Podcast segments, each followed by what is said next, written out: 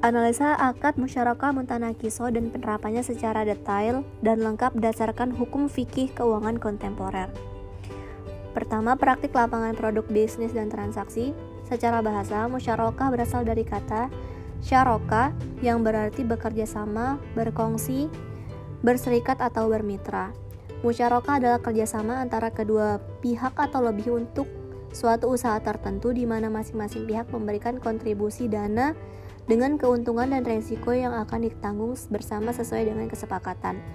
Dan muntana kisoh berarti mengurangi secara bertahap. Jadi, musyarakah muntana kisoh merupakan suatu akad kemitraan atau kerjasama untuk memiliki barang secara bersama-sama di mana kepemilikan salah satu pihak akan berkurang dan berpindah kepada rekanannya secara bertahap sampai menjadi utuh dimiliki satu pihak. Usul fikihnya yaitu terdapat dalam surat Quran surat As-Sod ayat 24 yang artinya Daud berkata, sesungguhnya dia telah berbuat zolim kepadamu dan meminta kambingmu itu untuk ditambahkan kepada kambingnya. Dan sesungguhnya kebanyakan dari orang-orang yang berserikat itu, sebahagian mereka berbuat zolim kepada sebagian yang lain, kecuali orang-orang yang beriman dan mengerjakan amal soleh, dan amal sedikitlah, dan amat sedikitlah mereka ini. Dan Daud mengetahui bahwa kami mengujinya, maka ia pun meminta ampun kepada Tuhannya lalu menyungkur sujud dan bertaubat. Dan dalam surat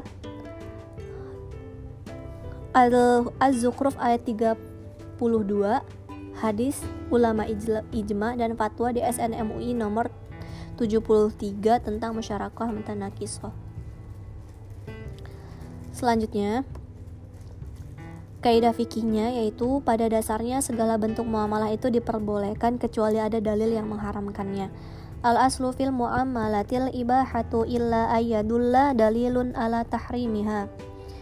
Kaidah ini adalah satu kaidah e, pokok kuait usul bahwa dalam hal yang bersifat kemuamalatan segala hal atau tindakan yang dihukumi boleh atau mubah akan menjadi terlarang atau haram jika terdapat dalil atau hukum yang mengharamkan suatu tindakan tersebut. Makosid syariahnya adalah e, musyarakah muntanakisoh sebagai alternatif pembiayaan murabahah pada perbankan syariah dari aspek pembebanan pajak kepada nasabah saja dan aspek kemitraan setara belum sesuai dengan makosid syariah.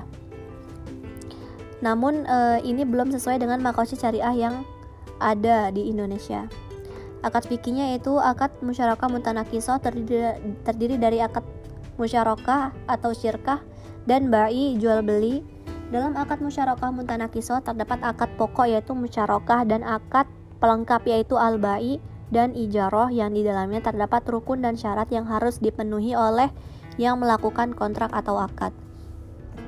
Konsep fikih muamalahnya eh, akad antara kedua belah pihak atau lebih yang berserikat atau berkongsi terhadap satu barang yang salah satu pihak kemudian membeli bagian pihak lainnya secara bertahap.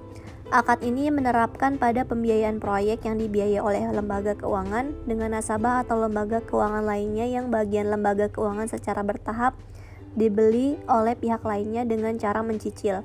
Akad ini juga terjadi pada mudarobah yang modalnya yang modal pokoknya dicicil, sedangkan usaha itu berjalan terus dengan modal yang tetap. Fatwa DSN MUI-nya yaitu Fatwa DSN nomor 73 tahun 2008 tentang musyarakah mutanakisoh. Selanjutnya Fatwa DSN nomor 55 tahun 2017 tentang biaya rekening koran syariah musyarakah UU dan regulasi yaitu PSAK nomor 108 tentang musyarakah PSAK nomor 107 tentang ijaroh dan Undang-Undang nomor 21 21 tahun 2008 tentang perbankan syariah PBI nomor 2008 tentang produk bank syariah dan unit usaha syariah. Jurnalnya yaitu implikasi akad musyarakah mutanakisoh perbankan syariah yang dapat diakses melalui medianality.com. Selanjutnya manajemen resiko. Adapun resiko yang ada atau mungkin ada dalam akad ini adalah yang pertama resiko kepemilikan.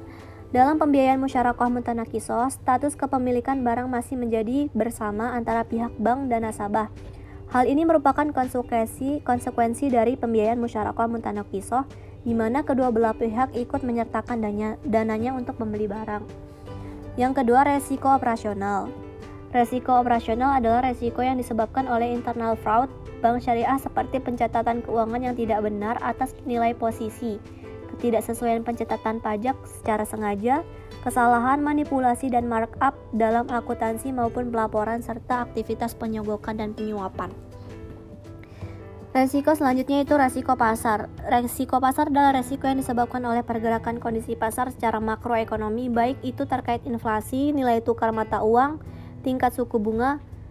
Meskipun bank syariah mengabaikan perhitungan bagi hasil berdasarkan suku bunga, tetapi efek dari suku bunga itu harus diperhatikan karena dampaknya yang cenderung menyebar ke segala arah. Selanjutnya, resiko kredit atau pembiayaan dan resiko legal atau hukum. Resiko legal atau hukum adalah resiko timbulnya kerugian akibat tidak terpenuhinya aspek-aspek legalitas baik dari segi identitas nasabah, pelaku, selaku subjek pembiayaan, segi objek pembiayaan, segi jaminan maupun aspek akad dan perjanjian pembiayaan itu sendiri.